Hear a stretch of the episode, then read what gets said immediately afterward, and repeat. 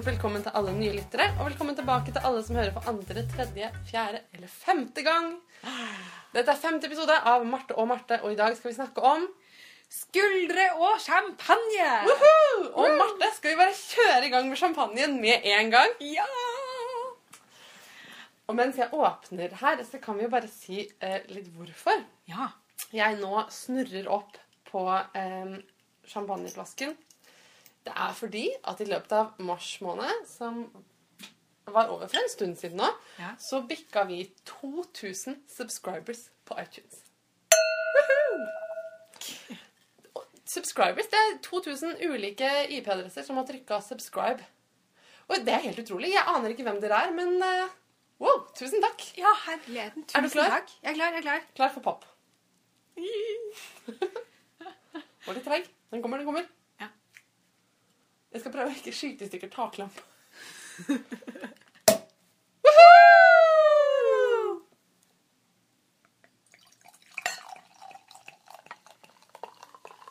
Sådan. Da tenker jeg vi er klare for en skål. Skål, Marte! Skål, Marte. Og skål, alle sammen. Det var fortreffelig. Nydelig. Vi har flere grunner til å feire. Ja, Hvert- det. Minst én grunn til. Ja. Um, og den ene andre grunnen den er at du har fått jobb. Ja. Gratulerer med det. Takk. Vil du utbrodere? Jeg har fått jobb som da-da-da, byggesaksbehandler i Lørenskog kommune. Wow. Yes. Det er en fast jobb. Vet du hva, Marte? Det er en fast jobb. Det betyr at noen gir deg penger hver måned i overskuelig framtid. Det, det er helt sinnssykt. Det er liksom helt er, crazy. Ja. Vet folk om dette her? Vet de at det er mulig? Jeg har aldri hatt sånn i hele mitt liv. Jeg har drevet min eget kontor i to år nå, og det har vært kjempespennende. Men Og dødsstressende. dritstressende. Hilsen en annen frilansarbeider. Ja, nå skal jeg ha fast arbeidstid og lønn hver måned. Det er en grunn til å skåle litt. Ja. Jeg, jeg har skrevet opp at vi kan skulle feire uh, At en grunn til å feire til er meg. Um, Ja. ikke bare meg som person, altså, men at jeg også har vært flink. Men, men jeg har ikke vært så veldig flink. Jeg har, jeg har skrevet ferdig en doktoravhandling. Jeg har ikke levert den ennå, men jeg tenkte jeg skulle gjøre det. Vet du hva, det er faktisk litt større Jo, men jeg har ikke levert ennå. Jeg er ikke ferdig. Nei. Den skal gjennom én veiledning til. Skål for min innspurt. Ja. Da erklærer vi herved denne podden for Åpnet. Marte, vet du hva?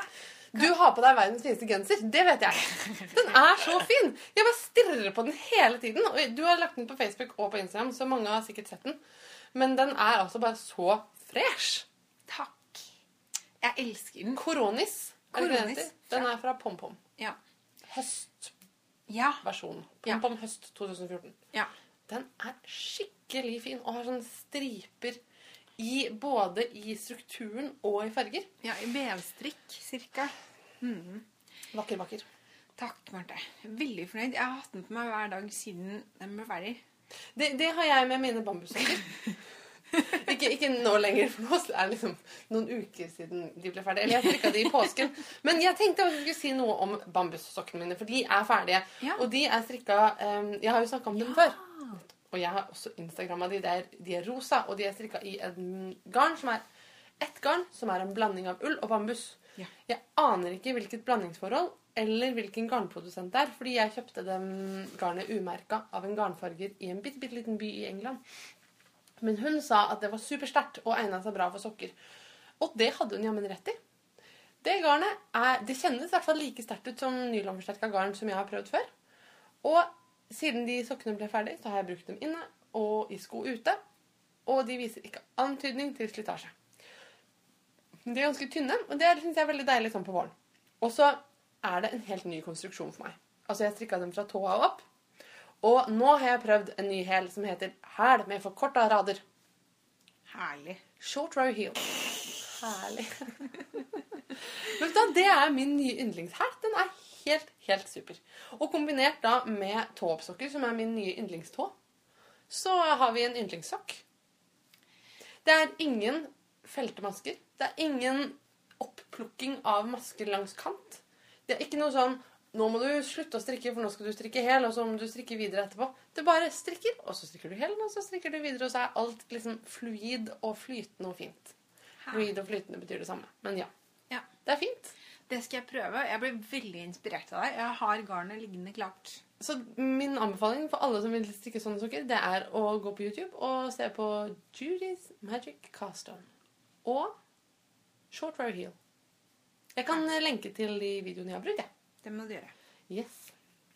Nå ble det veldig koselig av Marte. Og så tenker jeg Ja. man kan ikke ha det for koselig heller. Det er nemlig en ting jeg har tenkt på eh, i det siste. Eh, så bare Nå kommer det en litt sånn derre En rant. En god gammeldags rant. Ja, rett og slett litt sånn surt oppstøt her. Fra en, denne sure, gamle dama som jeg egentlig er innerst inne. Dette her, det gjelder altså egostrikk. Hvorfor er det noe gærent med at man skal strikke, eller gjøre noe hyggelig for seg selv? Det ligger liksom føringer Ja, på fordi det. hva, hva, hva mener folk med egostrikk, og hvor kommer dette ordet fra? Egostrikk handler om at man strikker til seg selv. Ja. Noe som man, når man egentlig kanskje ikke burde strikka til seg selv. At det, ligger, det ligger jo en slags føring i det ordet at man ikke burde strikke til seg selv. At man alltid skal strikke til andre. Og jeg syns det er dritkjipt. Ja, fordi folk igjen. sier sånne ting som at de unner seg en egostrikk innimellom, liksom. Ja! Hæ? Altså Is there any other kind? Nei!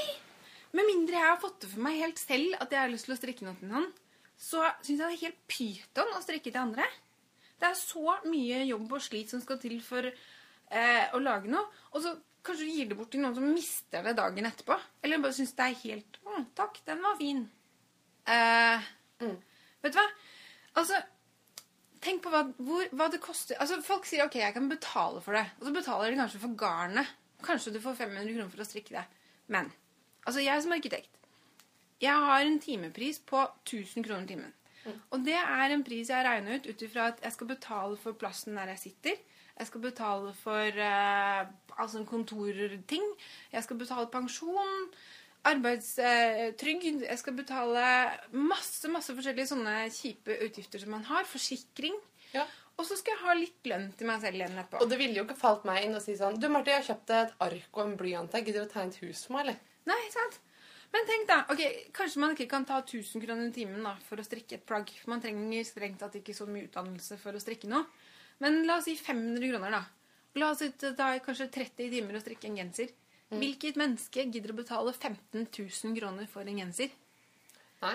Hvorfor skal man gi bort en gave til vennene sine som er verdt 15 000 kroner? Nei, Hvis man skal begynne å oversette ting til penger, så ja. Kan jeg Altså, jeg tror jeg skal stjele en, et, en, et sitat fra Stikkpodden, våre Ja. podkollegaer i Sverige. Ja. For de snakka om akkurat dette en eller annen gang for en herrens år siden. Ja. Og da sa de noe sånt som at Altså Det var et sitat som de også hadde Jeg husker ikke hvor sitatet er fra, men det var på engelsk. i hvert fall. Og det var at knitting is like sex. Ja. If I like you and you appreciate it, you can have it for free.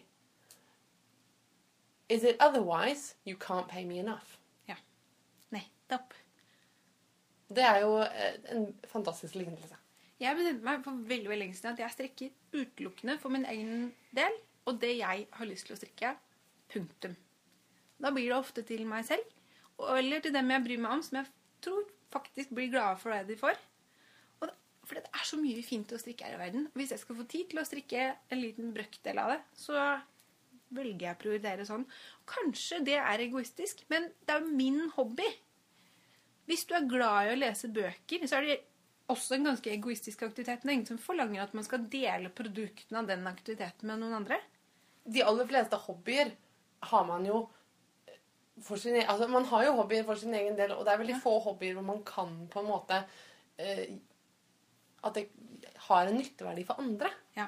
Og bare å kreve det av akkurat strikking er jo litt spesielt. ja.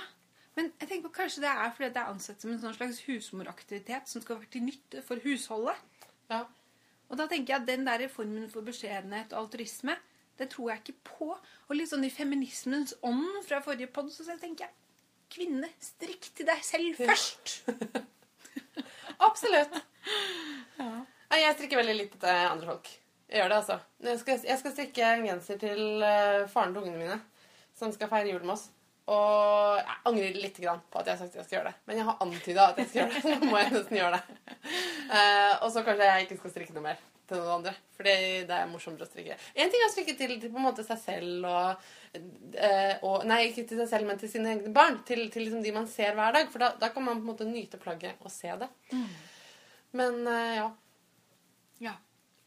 Altså, det er vanskelig å forklare den. Jeg bare syns det er Pluss at det er noe annet hvis du strikker til noen fordi du har lyst til å strikke akkurat det til akkurat den personen. Da er jo det også på en måte en form for egostrikk, for å bruke det teite ordet. da. Ja. At det på en måte er litt sånn Du du strikker det fordi det gir deg noe. Ja. Men det er din egen hobby. Ja. Så ferdig med det. ja. Men jeg syns dette var mer en sånn uh, ridning av en strikkekjepphest enn et surt oppstøt. Jeg synes det var uh, spot on. Takk, Mm. takk. takk.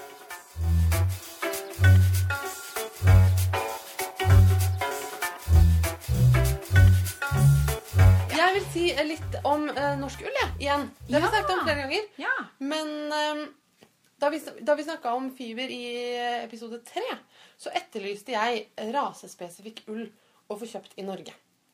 Og jammen har vi ikke fått opptil flere tips. Og da tenkte jeg at istedenfor at de bare er spredd på, på Instagram og, og Facebook, og sånn, så kan vi dele det med våre kjære lyttere.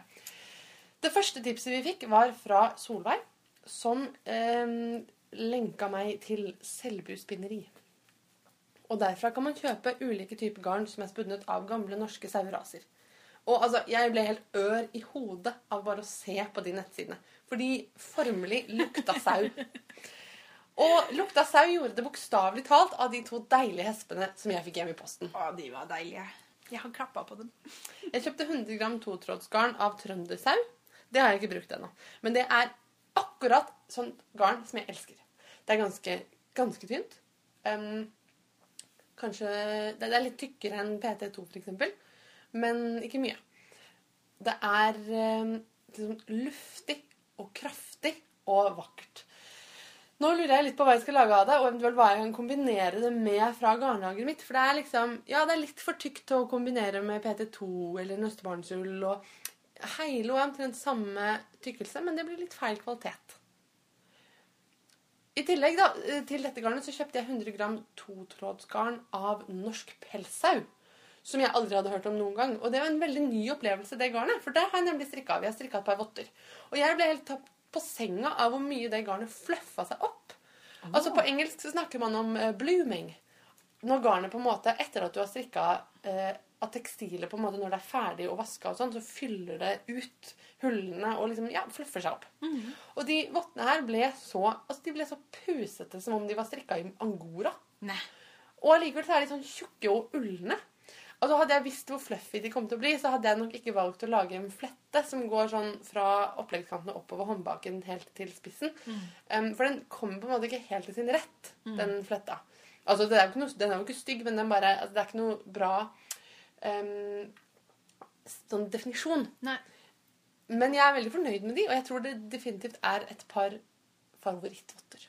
De høres veldig deilige ut. Ja, det er det. Jeg, bare, jeg ble sånn her Wow, at det går an. At en sau har den typen altså, Det er jo antakeligvis ikke for ingenting at den heter norsk pelssau, da. Nei. Nei. Selbuspinneri sitt garn har naturfarger. Det vil si at garnet er den fargen som sauen er. Og det syns jeg er veldig fint, for sauer har mange fine farger. Ja. Men vi har fått ytterligere to tips, og de er litt mer fargerike. Nina Petrina er en garnbutikk og strikkemønsterutvikler i Troms. Nina farger også garn og importerer både garn og strikkeutstyr. Og jeg ble veldig glad for at hun importerer og farger nemlig Blueface Lest-garn. Hurra! BFL er altså en sauerase som produserer veldig myk og blank ull som får veldig fint fall og veldig fin definisjon. Og derfor har jeg ønska meg et BFL-garn til mitt neste sjalprosjekt. Så Nina Petrina kan nok vente seg en bestilling fra meg snart. Og Kanskje flere andre Kanskje en dobbeltbestilling. Det neste siste tipset kom fra en som heter Tori, som lenka til telespinn. Telespinn har jeg hørt om fra før, men jeg visste egentlig ikke helt hva de drev med. Men nå har jeg blitt helt forelska i den nettsida også. For første gang i mitt liv har jeg en intens trang til å strikke med mohair. De driver nemlig med mohairheter og selger mohairgarn. Og det garnet har bare de fineste fargene jeg har sett i mitt liv. Det er noe med den innfargingen. Den er sånn ikke helt metta. Altså ikke melert, ikke vekslende, men sånn Altså, det er litt spill i garnet, rett og slett. Og de, bare de fargene som er på, liksom, i headerne på nettsiden der og sånn Å, det er så fint! Så du skal ikke se bort fra at jeg ryker på en uh, mohair-smell også i nærmeste framtid. Nå har jo lønna kommet i april, så uh. Ja. Spørsmålet er bare hva søren skal jeg strikke i mohair? Altså, Jeg aner ikke. Jeg har aldri noen gang hatt lyst til å strikke i mohair før. Jeg tenkte du kunne hjelpe meg med det, Marte. For du er jo mohair-dame. Ja, altså jeg Ja. Kan man ikke strikke i mohair? Det, Det er jo så mye fint man kan Men lage. må jeg liksom strikke det sammen med noe annet? Jeg hater å strikke med to Nei. tråder på en gang. Ja, Det kommer litt an på hvor tjukt det garnet er, da. De har et veldig, veldig tynt, og så har de et litt tjukkere. Ja. Fordi jeg, jeg har strikket sjal i enkel tråd tynn silkemohair. Mm. På ganske tjukke pinner. Og de blir sånn florlette, gjennomskinnelige skyer som er overraskende varme. Og jeg har strikka til farmor da, flere versjoner. Bare riller. Enkel trekantsjal. Og den ene gangen så heklet jeg på en penkant, så det ble sånn pynt på enden. Og de blir Altså, det er jo noen helt sinnssykt kompliserte mønstre man kan finne også for å lage sånn blonde mønster, men jeg syns de blir veldig fine når de er helt sånn enkle. Og hvis man har litt Men de blir jo ganske fluffy. Ja, de blir jo veldig fluffy, og de blir jo veldig varme. Ja, så, Så det er kanskje ikke vits i med så innmari mye hull og detaljer, tenkte jeg, fordi at det forsvinner litt i fluff. Ja, Det kommer litt an på hva du vil. Det kan bli sånn ekstremt delikat, liksom. Ja, Og? Marte, jeg har også sett på Valerie en som har strikket brudekjolen sin i sånn Ja, jeg tror jeg har sett den. Ja. Er det den som har liksom noe sånn som Altså 7000 meter garn eller et eller annet? Ja, det er helt ekstremt latterlig, for det er en lang, vid kjole hvor liksom det øverste laget er strikket i blonde i tynn mohair. Og skjørtet er sånn veldig Altså det er et svingskjørt, på en måte. Sant? Ja, ja. Sånn at det er helt enormt stort. Det er mye stoff, liksom. Ja, Jeg har sett det. Veldig, veldig fint. Men det er ja, at bare Ja, at det er fysisk mulig. er Altså Hun må jo ha begynt når hun var liksom 14. Ja. Og så bare Men eh, ja, man kan også strikke tjukkere ting. Uh, Pickles har jo da et mønster på lang dottekåpe. Som jeg da allerede har kjøpt garn til, som ligger og venter i kurven sin. Akkurat. Den kan man også strikke, da. Man kan strikke gensere, for eksempel. Ja. Det blir veldig sånn lett å varme ja, den, det ja. Mens vi forberedte innspillingen her, så snakka jo jeg om denne eh, jakka som jeg har i hodet, som jeg driver og tenker på at jeg skal strikke. Ja, ja. Som skal være rillestrikk, men lang og litt sånn slack og avslappa. Mm. Kanskje den skal være i eh, mohair? Det er jo lite som er deiligere enn å ha en sånn sky rundt seg. Det er som å pakke seg inn i en dyne, liksom.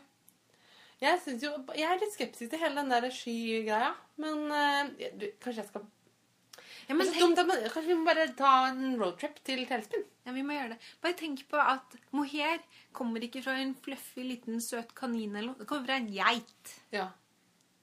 Å, du vet jo hva de hadde Du ser bildet av mohairgeita på Telespinn sine sider, og den er så søt! Den er så søt! Jeg bare liksom nufser på den. Den er dritsøt. Den er så lugg. Nyffig søt. Jeg bare Å, så vil jeg ha. Ja. Jeg vil ha en sånn. ja. Eller tre. Kanskje du kan ha noen sånne geiter på gården sammen med sauene. Ja. Da må du starte spinneri der, Marte. ja. Ja. Jeg har altså da blitt litt inspirert av oss. Så eh, Raumagarn, eller Rauma garnfabrikk, har eh, lagt ut en del bilder på Instagram i det siste eh, med bilder fra produksjonshallen deres. Ja. Det er Det er fett. Så jeg fant ut at eh, nå er det på tide å være en um, aktiv forbruker. Så jeg spurte dem da hva slags saueull de har i garnet sitt. For de har jo den norsk produksjon av norsk ull. Som en av de aller I Norge? siste. Ja, Ja. Som en av de aller siste norske garnprodusentene. Og jeg fikk veldig fint og hyggelig svar om at de bruker norsk hvit sau. Ja. og Det er jo den vanligste sauetypen i Norge. Ja. Og spælsau. Og da er det sau. Ja, De har litt forskjellige typer. Hvis dere er interesserte, så kan dere gå inn på De har lagt ut en video To videoer To rad. videoer ja, av kardemaskinene sine. Og på den ene av de videoene så har de svart meg. en Så hvis noen... Dette er da på Instagram, og jeg tror Ja. at navnet deres på Instagram er Raumagarn. Ja, det er det. Så da kan man gå inn der og se. Da kan man lese diskusjonen under den, eller samtalen under den ene videoen. Ja.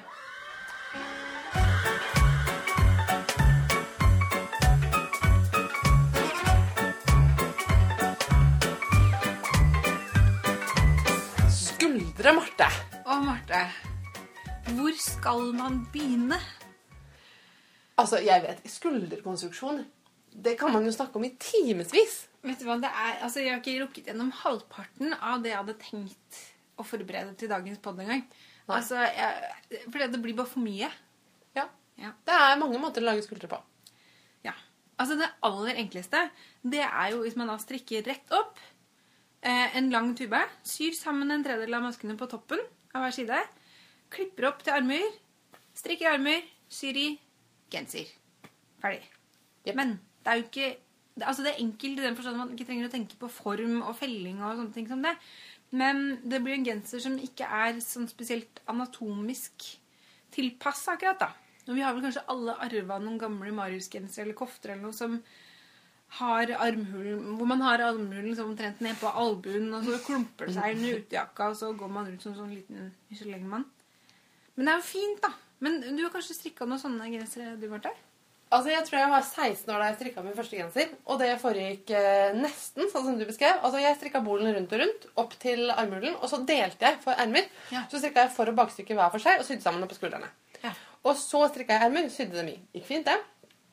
Mange år seinere så, skjønte jeg, eh, eller så lærte jeg at dette heter drop shoulder på engelsk. Men jeg har ennå ikke skjønt om det heter noe annet enn liksom isydd erme på norsk. Jeg har prøvd å google, men jeg har ikke funnet ut noe. Det er i hvert fall den mest vanlige skulderkonstruksjonen i norsk tradisjonsstrikk. Det vil jeg påstå. Altså, det er jo, som du sa, den klassiske Marius-genserskulderen, kofteskulderen. Og den kan være veldig fin. Ofte så tenker man veldig på litt sånn som du beskrev, sånne veldig 90-tallsfasonggensere som er sånn korte og vide, med skulderen ned på albuen. Det syns ikke jeg personlig er veldig fint, men, eh, men man kan strikke ganske figurnære gensere eh, og litt lengre plagg. Eh, Og likevel ha den typen skuldre. Det gjorde nemlig jeg på min aller første genser. Og det selv om 90-tallet knapt var over på det tidspunktet.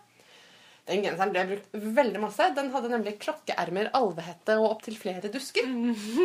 Jeg skal aldri noen kvitte meg med den, fordi den er et fantastisk eksempel på eh, hva skal man si, oppskriftsløs kreativitet. Var det den som hadde bjelle på tuppen av eh, I en periode tror jeg den hadde det. og hetta gikk helt ned til eh, rumpa. Ja.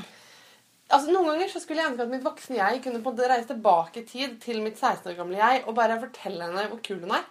Fordi jeg tror ikke at jeg visste det helt da. Nei. Eh, men liksom sånn Bare kjør på, Marte. Dette blir bra. Altså, Det er noen år siden jeg strikka den typen skulder nå. Jeg strikka flere gensere. Det var liksom sånn jeg strikka gensere før jeg lærte meg å se på hva andre gjorde også. Og ikke bare dikte. Men etter at jeg oppdaga raglan for noen år siden, så var jeg solgt. Så siden har jeg strikka raglan og rundfelling. Hovedgrunnen til det er nok at jeg, når alt kommer til alt, syns at strikking er hakket mer morsomt enn håndsøm. Ja, for neste skritt det blir jo da å strikke et armhull som er formet litt mer etter kroppen, kanskje. Sånn at ikke det siger nedpå, liksom. Ja, Sånn at du ikke får den der skulderen som henger nedpå armen, men at den sitter liksom At genseren sitter der hvor skulderen faktisk er. Mm. Man formstrikker rett og slett litt mer. Da må man jo huske på hva man har gjort når man har felt på bolen, sånn at man gjør det samme på armen. Sånn at de eh, Så de passer sammen. Ja, og det er jo sikkert flere enn eh, meg som har sittet der med én arm som er veldig mye større enn hullet, og en annen arm som er veldig mye mindre enn hull, kanskje. Å, guri malla. Det er, det, er, det, er litt, Litt det er litt stress å måtte strikke liksom hele armen på nytt. Og så må man jo sy, da. Altså man kan, altså det er liksom, For meg så er det, den er nesten sånn kvitt eller dobbelt. At enten så får du en genser som passer, som sitter veldig godt, eller så får du noe som bare absolutt ikke funker, så man må begynne på nytt. Yep.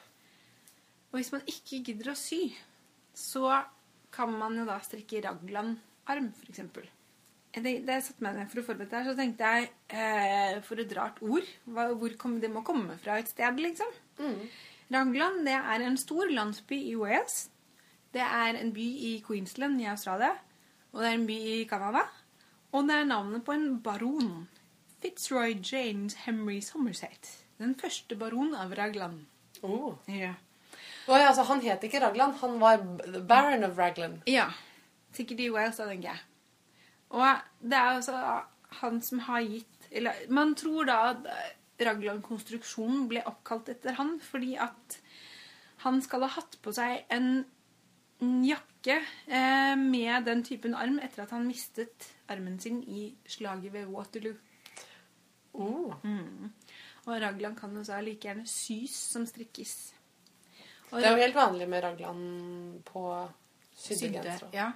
Og raglan kjennetegnes ved at plagget får en diagonal søm eller linje fra armhullet og opp til halskanten.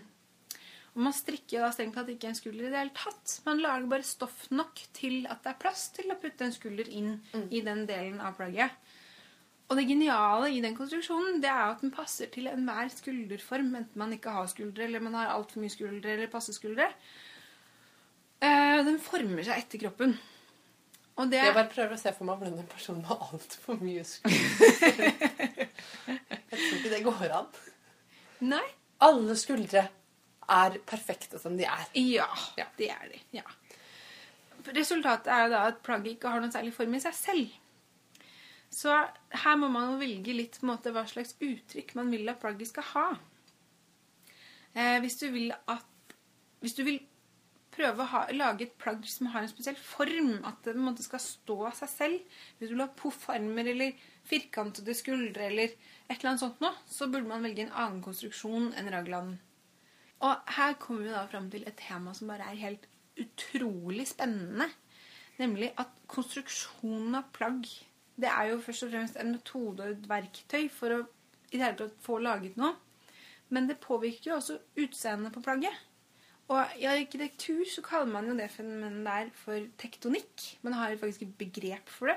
Hvor eh, bygningsfysikken og estetikken ifølge Store norske leksikon smelter sammen og er gjensidig avhengig av hverandre. Oi, så flott. Er ikke det flott? Og jeg elsker det. Jeg blir sånn, smelter litt inni meg. Dette her, det tror jeg kommer av at vi som mennesker, som del av naturen, skapt eh, av naturen, har Jeg vet ikke hvordan jeg skal forklare det, men vi har det inni oss. Og da en slags sånn estetisk eh, sans. Det beste måten jeg kan forklare det på, det er at det, Eller med et eksempel, da. Det er eh, den italienske matematikeren Leonardo Bonacci, som også er bedre kjent som Fibonacci. Han levde eh, fra 1170 til 1250. Han lagde en eh, Han er kjent for en tallrekke som han Han fant den ikke opp fordi at det var matematikere i India som allerede kjente til den allerede i det sjette århundret. Men i Europa så var han den som publiserte på en, måte, en slags Fibonacci-tallrekken har jeg hørt om, tror jeg. ja. Den bare veldig, veldig kort, altså. Den eh, går ut på at summen av ett tall og det neste følger hverandre. Så man har f.eks. 0 pluss 1 blir 1. 1 pluss 1 blir 2. 2 pluss 3 blir 5. 3 pluss 5 blir 8. 5 pluss 8 blir 13. Å ja. Så du får liksom ikke Du får en sånn rekke med tall som har et forhold til hverandre, men som ikke er numerisk rekkefølge. Mm. Og den tallrekken går opp Eller passer Det er noe som er forholdene Det er- som blir lovmessig, da. Ja. Og den kan man da bruke på det gylne snitt, eksempel. Ja, det er Ja. der jeg har det fra. Ja. Og det gylne snitt er da en grafisk framstilling av form, forhold mellom former som vi syns er vakkert. Mm. Når man syns at noe er i harmoni, så har man da altså klart å sette tall på det hvis man begynner å regne etter matematisk, at det har et, en rekkefølge og en sammenheng som veldig, veldig ofte følger Fibonaccis tallrekke. Og det er også den eh, tallrekken som man kan bruke på å forklare naturlig distribusjon, sånn som f.eks. hvordan grener vokser på stammen på trær. Hvordan bregner bretter seg ut. Hvordan disse knuppene på konglene er plassert, og appelsinbåtene distribuert, f.eks. Mm. Og hvis du ser, tenker da f.eks. på appelsinbåtene, så er jo de Hvis du tar et tverrsnitt gjennom appelsinen, så er jo de eh, distribuert på en måte som En lovmessig måte. At du ser jo at det er en systematikk i det. Det er en systematikk i det, men det er også for å holde liksom, frøene samla, for å klare å distribuere frøene videre så treet skal spre seg. Som vi syns ser fint ut. Men det er en klar sammenheng mellom konstruksjonen av appelsinen og hvordan den ser ut. Ja, Sånn? Konstruksjon og funksjon. Ja, Åh, Det er jo nydelig. Og det er jo direkte overførbart til strikkeplagg. Herligheten. Er så- Konstruksjon og funksjon. Ja, herligheten. Og det, det her er så spennende at det, det, bare, det er nok en hel egen pod, tror jeg. Så det må vi nesten komme tilbake til. Ja, men det tror jeg kanskje vi må. Ja. Nå har jeg selvfølgelig glemt meg bort igjen, for jeg skulle egentlig snakke om raglanarmer. Ja. Ja. Ok, hvordan strikker man raglan? Det er ikke vanskelig. Raglan er superlett. Man kan gjøre det på to måter. Ovenfra og ned eller nedenfra og opp. Strikker man ovenfra, så må man legge ut masker for å få det liksom til å øke, så man får plass til en kropp innen der. Hvis man strikker nedenfra, så strikker man først kroppen, og så strikker man armene, og da må man eh, felle, sånn at det blir lite nok til å passe rundt halsen. Det er mange oppskrifter der ute, og man trenger egentlig ikke oppskrift til dette her. Det ligger for eksempel en helt glimrende instruksjon ute på nettet som heter The Incredible Custom Fit Raglan Sweater. ja, den har jeg brukt masse. Ja, det har jeg også. Og den er er egentlig bare en formel. Det er egentlig bare en formel. Det er Pamela Costello som har skrevet den. og Den ligger gratis ute. Vi lenker til den. Den hjelper deg å regne ut antall masker du trenger, basert på målene til det plagget du ønsker å lage. Så man begynner ovenfra, og det du trenger å gjøre da, strengt tatt for å komme i gang, det er at du måler, tar et målbånd, finner ut hvor vid du vil ha halsen, strikker en prøvelapp og finner strikkefastheten på det garnet du vil bruke. Og så regner du ut hvor mange masker du trenger å legge opp for å få den vidden. Så strikker du rundt og rundt, og øker på fire forskjellige punkter. Tenk deg da at strikketøyet ditt er en oval. Midten er foran og bak, altså disse lange strekkene i ovalen. Og skuldrene er de litt spisse endene i den ovalen. Spissen i seg selv, hver spissene, det blir armmaskene.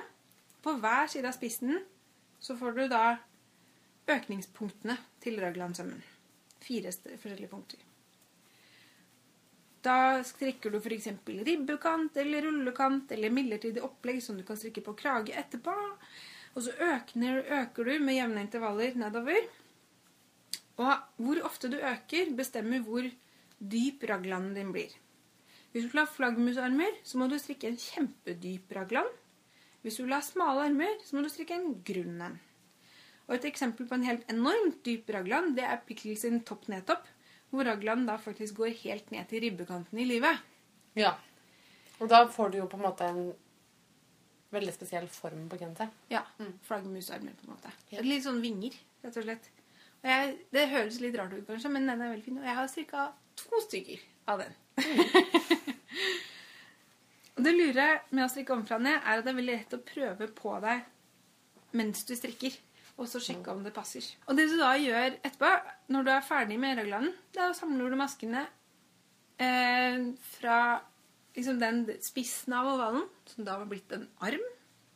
Og så fortsetter du å strikke rundt på de maskene som har vært den eh, lange, slake delen av ovalen, som da blir magen og ryggen. Og, ja. og da kan du sjekke da etter hvert hvor lang genseren blir. Prøve den på. Men det som man da oppdager etter hvert, er at antall masker du har laget i raglanøkningen, det blir jo da masker til selve armen. Så hvis du øker veldig ofte, så får du en vid arm. Og hvis du øker sjelden, så får du en smal arm. Og da kan du også leke med det forholdet du trenger for å få en lang nok raglan, eller hvor smale eller vide armer du vil ha. Og hvis du øker på, på gensersida av den stripen du får, så kan du også kontrollere Eller du trenger ikke å øke heller, du kan jo la være å øke, f.eks. Så kan du kontrollere hvor vid selve genseren blir. Og du kan velge å øke annenhver gang på armen for å få smale armer, men allikevel en vid genser, f.eks. Og det er på en måte å finne en balanse der, da. Mellom uttrykket på genseren man ønsker seg. Og det er veldig mange muligheter. Og jeg kjenner at det blir helt sånn «Hoho, Det er så mange muligheter! Mm. Og hvis du ikke vil ha genser i det hele tatt, så kan du klippe opp på midten og lage en jakke. Yes. Jeg tror det fins sånne Ragland-kalkulatorer på nett også. Altså, det er bare et, eh, et tilskudd til den um, Incredible Custom Fit. Jeg tror at det også fins kalkulatorer hvor man bare måtte fyller ut noen tall, som strikkefastheten din og liksom hvor stor du vil ha den her og der og der. Og så bare brrrt, så regner den alt ut for deg. Jeg har aldri brukt en sånn selv, så jeg vil ikke lenke til noe. Men jeg, da kan man bare google Raglan Calculator eller et eller annet sånt. Ja. Tenker jeg, hvis man har lyst på det. Ja. Men det er ganske lett å stunte også. Jeg sitter og stunter den akkurat nå. ja. Marte holder på å strikke en veldig, veldig fin jakke nå. Og det hun har gjort der i raglandsømmen ja, I raglandsømmen der så har hun da strikket sånn en hullkant. Og det er jo et sånt kjennetegn som man kan få til veldig enkelt når man strikker ovenfra og ned. At istedenfor å lage en ny maske, så kan du Eller det er forskjellige måter å lage en ny maske på. Men man kan lage den ved å lage et kast. Og da kan man få en sånn veldig pen, dekorativ kant. Liten sånn gammel gammel damehullbord. Veldig fin. Det kan man jo gjøre hvis man strikker nedenfra og opp også, men da må man jobbe veldig mye mer for å få det til. Det Det går veldig av seg selv når man Ja. strikker ovenfra og ned. akkurat den. da. Ok, nedenfra og opp. Det er ganske likt, bare motsatt. altså, du strikker bolen sånn som du vil ha. Og hvis du ikke har noen oppskrift, så måler du rundt livet hvor vid du vil ha genseren din. Så strikker du en prøvelapp og måler strikkefastheten på den prøvelappen. Og så regner du da ut hvor mange masker du vil ha på den måten her. La oss da si at du fikk 23 masker på prøvelappen på 10 cm. Og det lønner seg å telle antall masker over minst 10 cm. Kanskje gjerne mer enn det også. Og du burde male på flere forskjellige steder av prøvelappen. Og telle deg til liksom ca. gjennomsnittlig antall masker på 10 cm. 23 masker, det vil altså si 2,3 masker per centimeter. Og hvis du da vil ha en genser som er 90 cm i diameter rundt livet, så ganger du 90 med 2,3. Da får du 207 masker. Da begynner du å strikke, og da har du genser, basically. Det er ikke så vanskelig. så strikker du så langt du vil ha den opp til armhulen.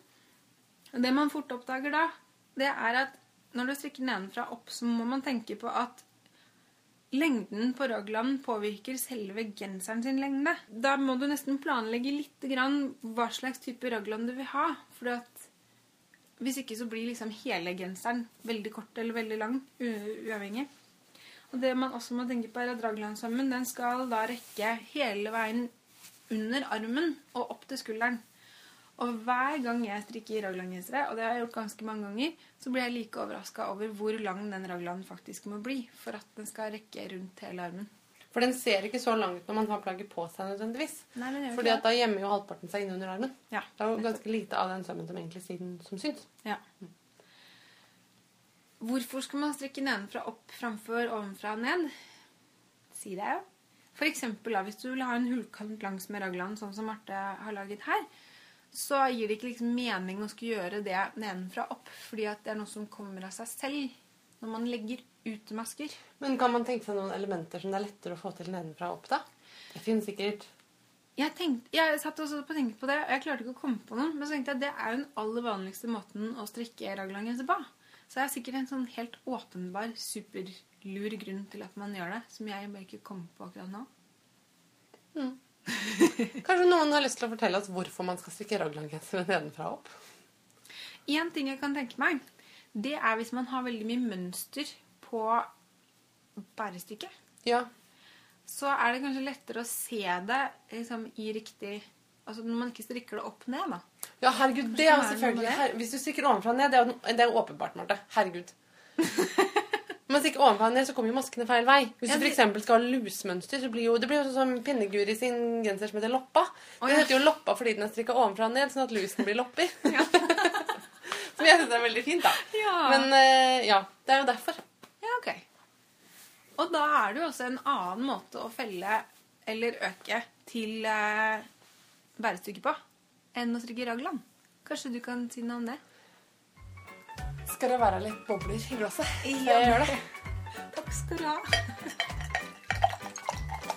Det er en nydelig lyd. Jeg syns det er en av de hyggeligste lydene som fins.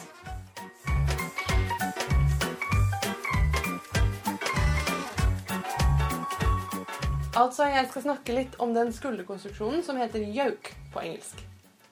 På Garnstudio sin ordliste, som jeg lenker til, som kan være kjekk å ha hvis man vil vite hva begreper heter på norsk og engelsk i strikkeverden, der oversettes jauk til bærestykke. Og så sjekka jeg bærestykket i bokmålsordboka, og der er det definert som et påsydd stykke øverst på et klesplagg. Det var veldig spesifikt. Veldig. Jeg syns det var interessant at de brukte påsydd. Altså at det inngikk i definisjonen. Fordi altså, det trenger jo ikke være påsydd. I, I min verden så brukes jo bærestykke ikke bare om rundfelte bærestykker, men om den biten av en genser som går fra der hvor ermene og kroppen settes sammen og, og hele veien opp, på en måte. Men eksempelet som var brukt i bokmålsordboka, da var kjole med bærestykke. Altså at det er det stykket som eh, Jeg vet ikke, det stykket som man bærer kjolen fra, eller noe sånt. Ja. Men uh, iallfall så minte det meg på en ting som også er interessant. Altså, eksempel på Shetland så var et veldig vanlig kvinneyrke i over mange tiår det var uh, nettopp det å strikke bærestykker. Altså strikke jauks.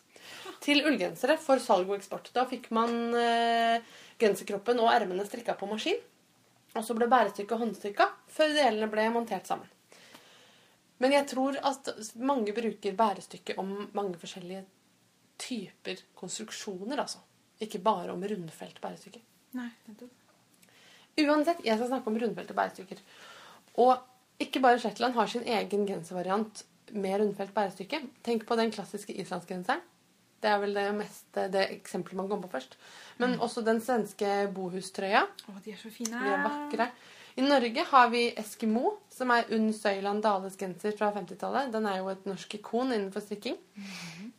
Det er i det hele tatt veldig veldig mye spennende historie knytta til strikketradisjoner. Og noe av det beste jeg har lest dette året, det er Kate Davies sin siste bok, som jeg holder her, som heter Yokes. Woohoo. Den handler utelukkende om eh, strikketradisjoner for rundfelt bærestykke, pluss selvfølgelig at den inneholder masse oppskrifter. Den har elleve genser- eller jakkeoppskrifter med rundfelling. Og altså, hun, Kate Davies er en av mine absolutt favorittdesignere. Jeg vet at jeg har nevnt henne flere ganger før, men hun er virkelig verdt å sjekke ut. altså. Hun lager en perfekt blanding av det søte og det vakre. Det tradisjonelle og det moderne. Og det elegante og det koselige. Det plagget jeg tror hun er aller mest kjent for, det er genseren Owls, som har et flettemønster av ugler på bærestykket. Ja. Den er veldig fin. Og den har nesten 8000 prosjekter på Ravelry. Et av de er mine. Et av dem er mine. Joiks-boka inneholder ca. 60% strikkeoppskrifter og ca. 40% strikkehistorie. Perfekt eh, ratio, spør du meg. Kate skriver om bærestykker fra Shetland, Island, Sverige, Norge og Grønland. Og hun skriver utrolig spennende og nøyaktig om eldre og nyere tradisjoner, og ikke minst om liksom, menneskeskjebner som knytter seg til de tradisjonene. Ofte så er ting ikke helt sånn som man tror. Jeg tror vi har en tendens til å ofte romantisere litt når man tenker på tradisjonskunst. Men, eh, mens det gjerne er sånn at objekter som i dag typisk blir laga fordi folk har overskuddstid, før i tida eh, og ikke nødvendigvis så langt før i tida heller, ble laga av helt andre grunner. Altså man strikker bærestykkegensere fordi man må, på en måte. Man enten skal kle familien sin, eller kanskje enda vanligere. Det er en måte å tjene penger på, at det strikkes for kommersielt salg. Den boka inneholder veldig eh, interessante bilder. Jeg synes Det er morsomt å se sånne gamle bilder av strikkeplagg, sånn som klassebilder som er flere tiår gamle. Og bare se på liksom, hva slags gensere de har på seg på klassebildene. Jeg tenkte jeg skulle eh, nevne mine favorittplagg fra Gjøgsboka. Altså Det desidert fineste, som jeg synes er helt fantastisk, som det er et bilde av på forsiden, er shetlandsjakka Cockatoo Bray. Den er så fin. Den har, sånn, den har et tradisjonelt eh, tree and star-mønster, som, eh, ja, som er et tradisjonelt shetlandsmønster. Og den har bare gjort litt sånn utrolig skarpe, fine, freshe farger. Den andre favoritten min er den islandsinspirerte genseren Osta Solilja. Som, jeg, som ikke bare er fin i den boka, jeg har sett flere som har laga veldig fine eh, versjoner av den. Og min tredje favoritt er den ganske stilrene hvite og grå jakka som heter Epistrophy. Jeg skal lenke både til alle mønstrene jeg sa nå, og til Kate Davies nettside, der man i tillegg til oppskriften hennes kan lese hennes veldig spennende blogg. Hun bor i Skottland og tar veldig sånn naturskjønne bilder. Em, som så ofte i denne podkasten så venner jeg meg nå til Elisabeth Zimmermann. Strikkeguruen som svaret på alt.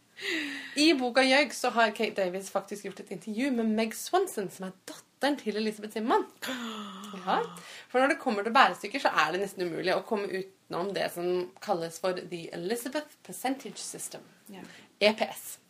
Det var Elisabeth Simmermann selv som ga prosentsystemet for gensere dette navnet. Og EPS nevnes i de fleste Simmermann-bøkene, tror jeg faktisk. Men aller først tror jeg det kom i 'Knitting Without Tears'. Men det nevnes også både i 'Knitting Around' og i 'The Knitters Almanac'. Hun lagde et prosentsystem for konstruksjon av både drop shoulder-gensere og bærestykkebaserte gensere, som altså en rundfeltgenser. Eh, Det sier jo seg selv at dette er helt genialt, for da trenger man egentlig ikke forholde seg til sånne ting som garntykkelse og løpemetere i forhold til eh, et mønster. Man bare må strikke en prøvelapp, da. Eh, også kalt babyjakke eller lue. Ja. Og så kan man måle og sjekke strikkfastheten sin. Og så må man regne ut hvor mange masker det skal være hvor som helst i genseren og jakka, på bakgrunn av hvor stor selve genserkroppen er. Du, bare veldig kjapt innskudd der. Da jeg strikket den genseren jeg har på meg nå, så strikket jeg en prøvelapp og tenkte ok, jeg rundstrikket genser, rundstrikket prøvelapp. Den ble akkurat på størrelsen med en håndleddsvarmer. Ja. Så da jeg var ferdig med genser, strikket jeg en til, så nå har mamma fått en håndleddsvarmer i gave. Så kjekt. Nyttig prøvelapp. Absolutt. Det syns jeg er et, eh, et forbilledlig måte å gjøre det på. Altså, Jeg skal nå prøve å forklare EPS-systemet litt. Jeg syns det er litt vanskelig å forklare det, men jeg skal gjøre et hederlig forsøk. Og så får man følge lenkene mine hvis man ikke skjønner bæret. I korte trekk så går det ut på at vidden på selve genserkroppen utgjør 100% Så altså hvis du har 200 masker, eksempel, bare for å ta et rundt tall tilfeldigvis, rundt livet, så er 200 nøkkeltallet ditt, som du kan regne ut alle andre deler av genseren på grunnlag av. Halsligningen øverst skal da være 40% I dette tilfellet altså 80 masker. Den øverste biten av ermet, der det skal strikkes inn i bærestykket, den skal ligge på sånn 35-40% avhengig av eh, altså hvor, lange, hvor trange ermer man liker. Og så setter man sammen ermer og kropp. Og da er det viktig å sette av ca. 8% masker både av bolen og av ermene og av masker fra ermet innunder armen, som sys eller veves sammen til slutt. Selve bærestykket skal ifølge EPS-systemet utgjøre ca. halvparten av bolens vidde. Altså dybden av bærestykket skal tilsvare halvparten av bolens vidde. Og da legger man inn tre fellingsrader i bærestykket. Og de plasseres eh, først på ca. halvparten, og så på tre fjerdedeler, og til slutt på fire fjerdedeler. Altså man strikker halve dybden, og så er første fellingsrad, og så strikker man en eh, sånn at man er på tre fjerdedeler av den totale dybden. Så tar man andre fellingsrad, og siste fellingsrad kommer rett før man strikker eh, halsringningen. Eh, På første felling feller man 25% av maskene. På andre felling så feller man 33% av det nye totale maskeantallet.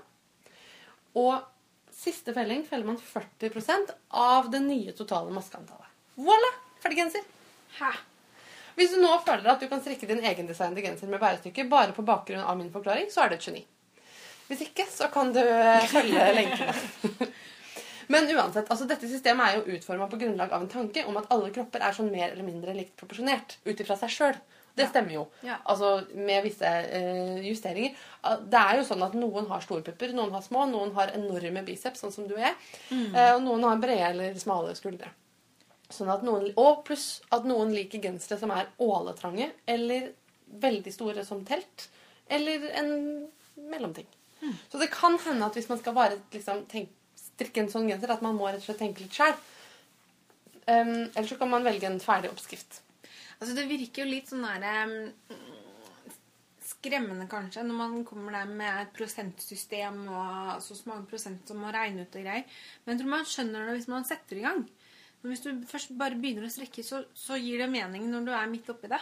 For meg så var det en aha-opplevelse å se liksom et diagram som så Ja. ut som en genser. Altså en tegna genser, og så er det skrevet inn sånn Se, dette er 40% av dette. Da plutselig så, så ser det veldig logisk ut, fordi sånn ser jo kropper ut, liksom. Eh, Og det er jo det jeg liker altså, Det finnes jo på en måte to tilnærminger, tenker jeg, til å strikke um, et plagg som ikke bare er et, et sjal eller et flatt plagg, men et plagg som er på, på kroppen.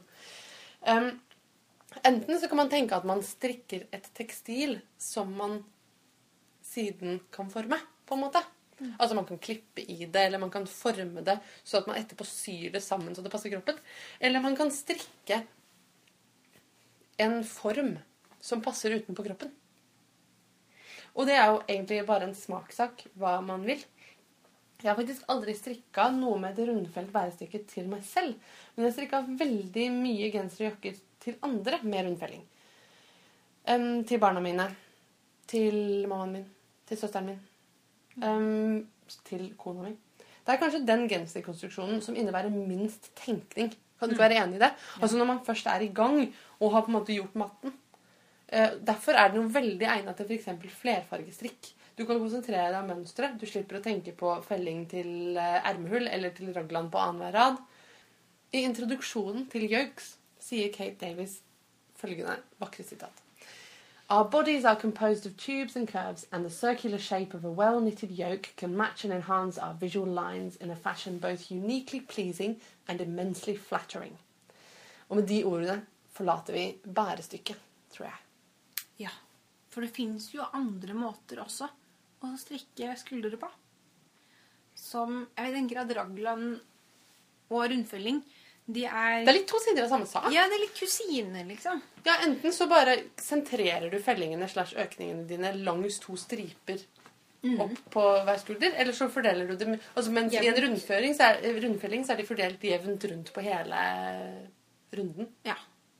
Og som vi begynte med å åpne dette temaet her, så snakket jeg om å sy inn armer. Og for helt åpenbare grunner så er det jo mange som ikke er så keen på å sy inn armer. Det er, det er en problematikk i forhold til at kanskje ikke armen passer inn i det hullet når du skal ha, ha strikka alt ferdig skal sy den inn. Kanskje du ikke er noe glad i å sy. Kanskje det er vanskelig å sy garnet pent sammen. Og så mange er redd for at sømmer skal synes, eller ikke minst føles. Ja. Alternativt da, så finnes det en metode som på engelsk kalles contiguous shoulder. Som går ut på at man strikker en kontinuerlig form som lager en søm lik den man ville fått om man hadde sydd armen i. Men man strikker altså da armene og eh, bærestykket sammen istedenfor å sy det sammen. Og Det kan man også gjøre ovenfra og ned eller nedenfra og opp.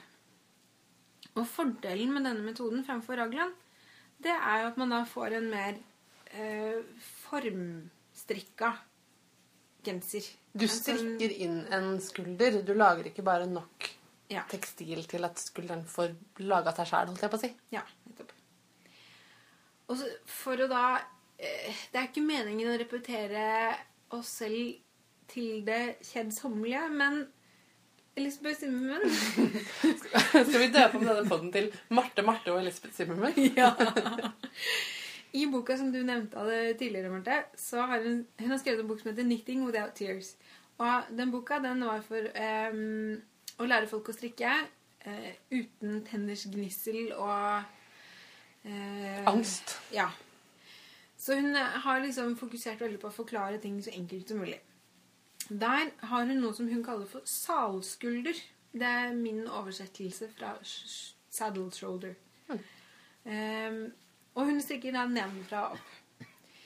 Det ser altså ut som om man har sydd i skulderen, men det er strikket. Du strikker altså da bolen, og så strikker du armene, og så setter du alle sammen på samme pinnen, sånn som man gjør når man skal strikke en raglan. Og så begynner man da å felle først på bolen, for å gi på en måte armen litt plass inn på kroppen. Så, når man har gjort det noen få ganger, så begynner man å felle armmasker. Fordi at da skal du plutselig ikke rundt armen lenger, men bare på oversiden av armen. Når du har gjort det en god stund, så skal du da begynne å strikke skulder- og bærestykkemaskene sammen. I det som er oppå skulderen. Altså på mi- militæruniformer der man har epauletten.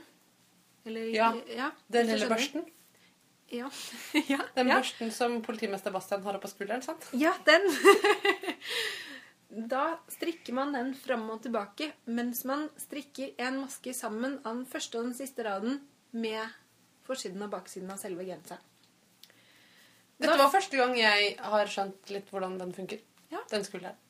Det ser Det høres Det hjalp med den børsten på på skulderen. børsten på skuldrene. Bra.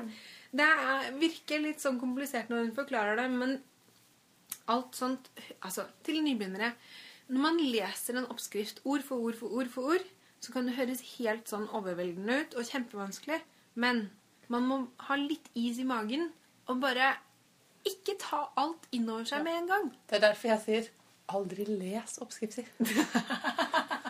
Bare følg dem. Ja, Man skjønner det når man kommer dit. Det virker mer logisk når man er der. Eh, ja. Og det blir veldig, veldig fint. Og jeg skal linke til et bilde som viser eh, hvordan, en sånn, hvordan dette kan se ut. Har jeg, har jeg fortalt eh, dette før? Om ikke kjøre helt til Svinesund på en gang-lignelsen? Nei. Greia, min søster, da hun nettopp hadde Da søsteren min akkurat hadde lært å kjøre bil, så skulle hun kjøre til Svinesund. Vi, jeg kommer fra Fredrikstad, så vi bodde i Fredrikstad. Det er ikke så innmari langt til Sverige. Jeg tror kanskje liksom, typ, hun var russ, og de skulle handle inn til en fest eller noe sånt, så de skulle kjøre til Svinesund. Og hun skulle kjøre, og hun grudde seg veldig, for hun hadde aldri kjørt så langt selv alene først. Og hun stressa fælt da. Og da sa pappa at du må bare slappe av. Det, altså, det ikke, du skal ikke kjøre helt til Svinesund med en gang. Først skal du rygge bilen ut av garasjen. Ja. Det får du til. Ja, ja, sa Miriam. Det får jeg til. Og så skal du kjøre ned til postkassa. Det går greit, eller? Ja, det gikk for så vidt greit. Og så skal du ta av til høyre ut på veien, og så skal du kjøre bort til Husebyveien. Ja, jeg skulle få til det. Og han bare Men sånn fortsetter det helt til Svinesund. Du skal til, en, til, tid bare kjøre det neste strekket. Og hvis du på noe tidspunkt tenker Nei, vet du hva, de neste 100 meterne, det går bare ikke. Da må du kjøre inn til kanten og stoppe litt. Og dette synes jeg var, og da ble, ble hun ganske mye roligere. Hun kjørte til Svinesund, det gikk fint. Og jeg synes det er en fantastisk lignelse som kan overføres til mange ting. Kanskje spesielt til strikking. Altså, Du skal ikke strikke hele genseren på én gang.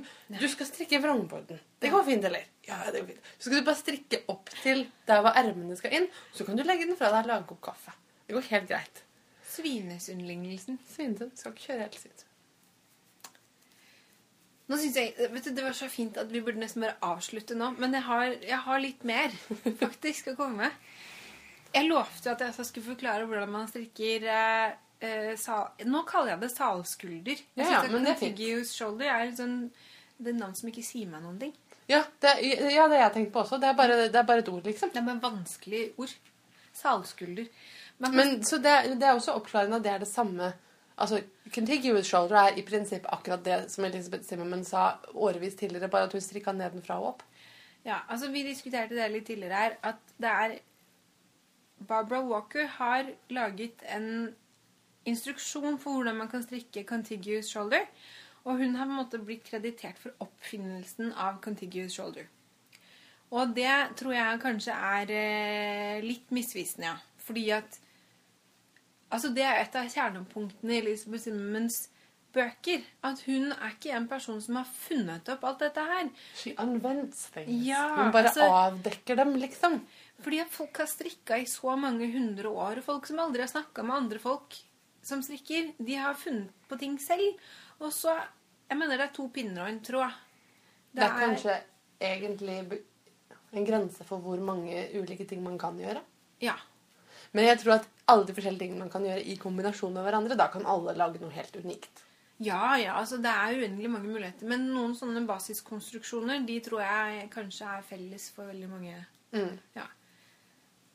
Men hvis man da Jeg trodde lenge at jeg hadde oppfunnet min helt egne måte å legge opp på, men det hadde jeg ikke. Det, det var jo mange andre som hadde funnet den opp også. Vet du hva, Marte, Det har jeg tenkt på mange ganger, men jeg husker veldig veldig godt at du kom for ganske lenge siden og sa at du hadde drømt at du hadde funnet opp en ny maske som var bare helt revolusjonerende dødskul. Og så våkna du opp, og så husket du ikke hvordan du strikket den. Det hadde jeg glemt. Og, og det var helt fan det var ikke så fantastisk. Du, du var så veldig sånn Du hadde drømt så veldig intenst om hvor fantastisk kule ting du kunne lage med denne nye masken. Som Verken rettmaske eller vrangmaske. En helt ny maske. ja. Åh. Ja, OK. Ovenfra og ned. Det har jeg strikka i et mønster fra Coconuts. Og det heter Antonia eller Antonio. Alt avhengig av om man strikker dame- eller herremodell. Og den begynner på en litt sånn snål måte, fordi man legger opp en, en liten flis, på en måte, som er trapesformet. Som ikke ser ut som det skal bli noe som helst. Og det er nakken. Og så du vet, En trapes det har en lang side og en kort side. og Den er som en firkant som er trangere i den ene enden. Ja. Da plukker man opp fra de skråkantene Ja. masker. Det høres ut som på en måte det samme effekten som du får av å bruke forkorta rader i nakken. Bare at du bygger det ut ifra en firkant. på en måte. Ja. Altså, du plukker opp skrå, masker fra den skråkanten, som blir skulderlapper. Mm. Når du fortsetter å strikke de, når de er tippa over skulderen, så blir det forstykker. Og så plukker man Når du har strikket de liksom i Oppå skulderen, da. Eh, I skulderens bredde. Så plukker du opp masker på kortsida, som da blir armmaskene. Og så strikker man fram og tilbake over de forsiden av den, kortsiden og den lange baksiden som da har nakken og bak eh, ryggen. Over på andre siden av andre armen. Fiffig. Veldig fiffig. Det, blir, altså det sitter veldig godt på skulderen hvis man klarer å få liksom avstandene lange nok. Men det som er veldig fint med den, er da kan man prøve det på nakken og skulderen og se at det passer. Ja, mens man gjør det, og så er det Ja. kjempelett å gjøre små justeringer. Ja. Og i dette mønsteret her så kaller hun dette her for English tailoring. Og da, det er derfor jeg Dette er Lisbeth Zimmerman. Nei, dette her er, Dette er, ja, dette er. Ja. hun Unnskyld. som er bak merket Coconuts, som har laget eh, mønsteret. Eh, og da tenker jeg at dette her er en metode som er blitt brukt eh, generelt, og som ikke er en Innenfor skredderfaget. Ja, og at det ikke er en oppfinnelse av én enkelt person. Rett og slett. Eh, men det er veldig spennende. Det er mange fint. Og vet du hva, det er veldig fint mønster. Den, jeg, er veldig, jeg er liksom småforelsket i den der grå jakka som er på det mønsteret. Den er veldig, veldig fin. Helt streit jakke, da. Ja, men fin. Fascinerende. Dette kan man tenke veldig mye på. Det er jo det er, det er så mye gøy. Og det er jo det her som gjør strikking så fantastisk. At man kan Som du nevnte tidligere, at folk har jo forskjellig kroppsfasong. Og når man strikker, så kan man da tilpasse det til sin helt egen kropp. Hvis man har en kropp som er litt utenfor det som er ansett som normalt på Hennes som Maurits eller i, i kjedebutikkene, så Mm. Kanskje man må kjøpe et telt da, for å passe til en litt stor byste. Eller Mhm. kanskje man må kjøpe en genser som Hvis man er veldig lang og smal, en genser som alltid blir for kort på armene eller Jeg magen. er jo veldig lang, og jeg har alltid slitt med det at genser blir for korte. Jeg elsker jo den moten som liksom har vært nå de siste årene, hvor ting skal være litt langt. For det betyr jo at for en gangs skyld så får jeg gensere som når ned til buksekanten. for jeg har jo hele livet vært ganske sånn lang og smal. Ja. Eh, men med vekt på lang. Ja. Sånn at ting har blitt for kort og for kort. Og så hvis jeg skulle ha øh, bukser som passet, så var de på en måte, hvis de passa i bredden, så var de altfor korte. Og sånn, ja. Ja. Men øhm, folk har jo Det er jo både sånn at alle kropper er proporsjonert omtrent likt, og at alle kropper er helt unike. Begge de to tingene er jo helt sant. ja. Og det gjør jo strikking helt fantastisk. For da kan man utgå fra de samme prinsippene for hvordan kropper er proporsjonert, og så kan man gjøre de små justeringene som gjør at det passer helt perfekt for akkurat den kroppen man strikker til. Konklusjon Strikking er fantastisk. fantastisk. Hvis noen var i tvil om hva vi syns, så er det det vi mener. Jeg syns strikking er veldig fantastisk, og jeg syns jeg får litt lite tid til det. Som jeg nevnte helt i begynnelsen, så har jeg tenkt å levere doktoravhandlingen min snart. Eller jeg har ikke bare tenkt til, jeg må. Og når jeg er ferdig med det, da skal jeg strikke. Jeg tenkte at jeg skulle Ikke at jeg ikke strikker nå, men jeg, da skal jeg bare strikke. Skjønner? Ja. Um, så jeg tenkte at den dagen jeg skal levere, det er den 27. mai. Det er en onsdag. Etter det vil jeg strikke. Jeg har ikke helt bestemt meg for hvor jeg skal strikke, eller uh, uh, på en måte hva jeg skal strikke. Men jeg tenkte at jeg skulle liksom invitere folk til å strikke sammen med meg den dagen. Oh. Um, et eller annet sted i Oslo. Ja. Hvis det er fint vær, kan man være ute. Hvis det ikke er fint vær, kan man være inne. Er dette en invitasjon, Marte? Det er en begynnelse på en invitasjon som går ut til alle som måtte ønske å strikke med meg den dagen jeg har levert eh, avhandlingen min.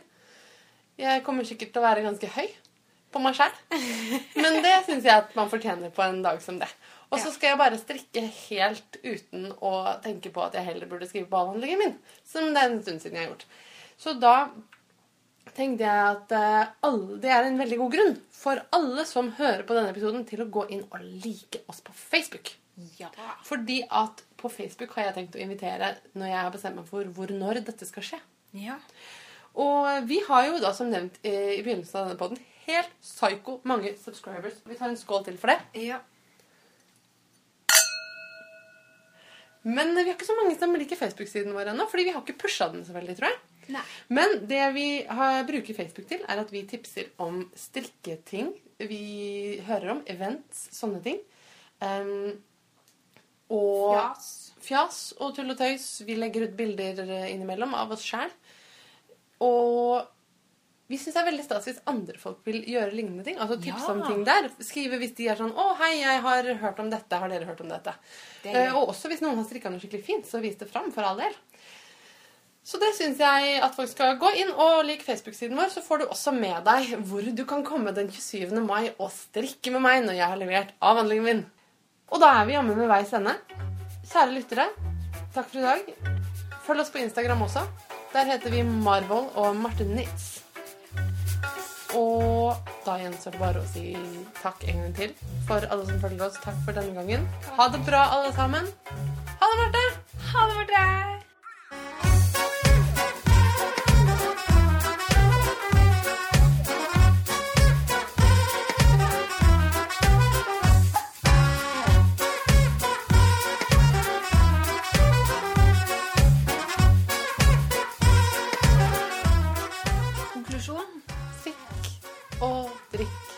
Som vi gjør nå. Og strikking er Vi kan ta en konklusjon en gang til. Vi kan ha en annen konklusjon enn det. Strikking er fantastisk. Ja.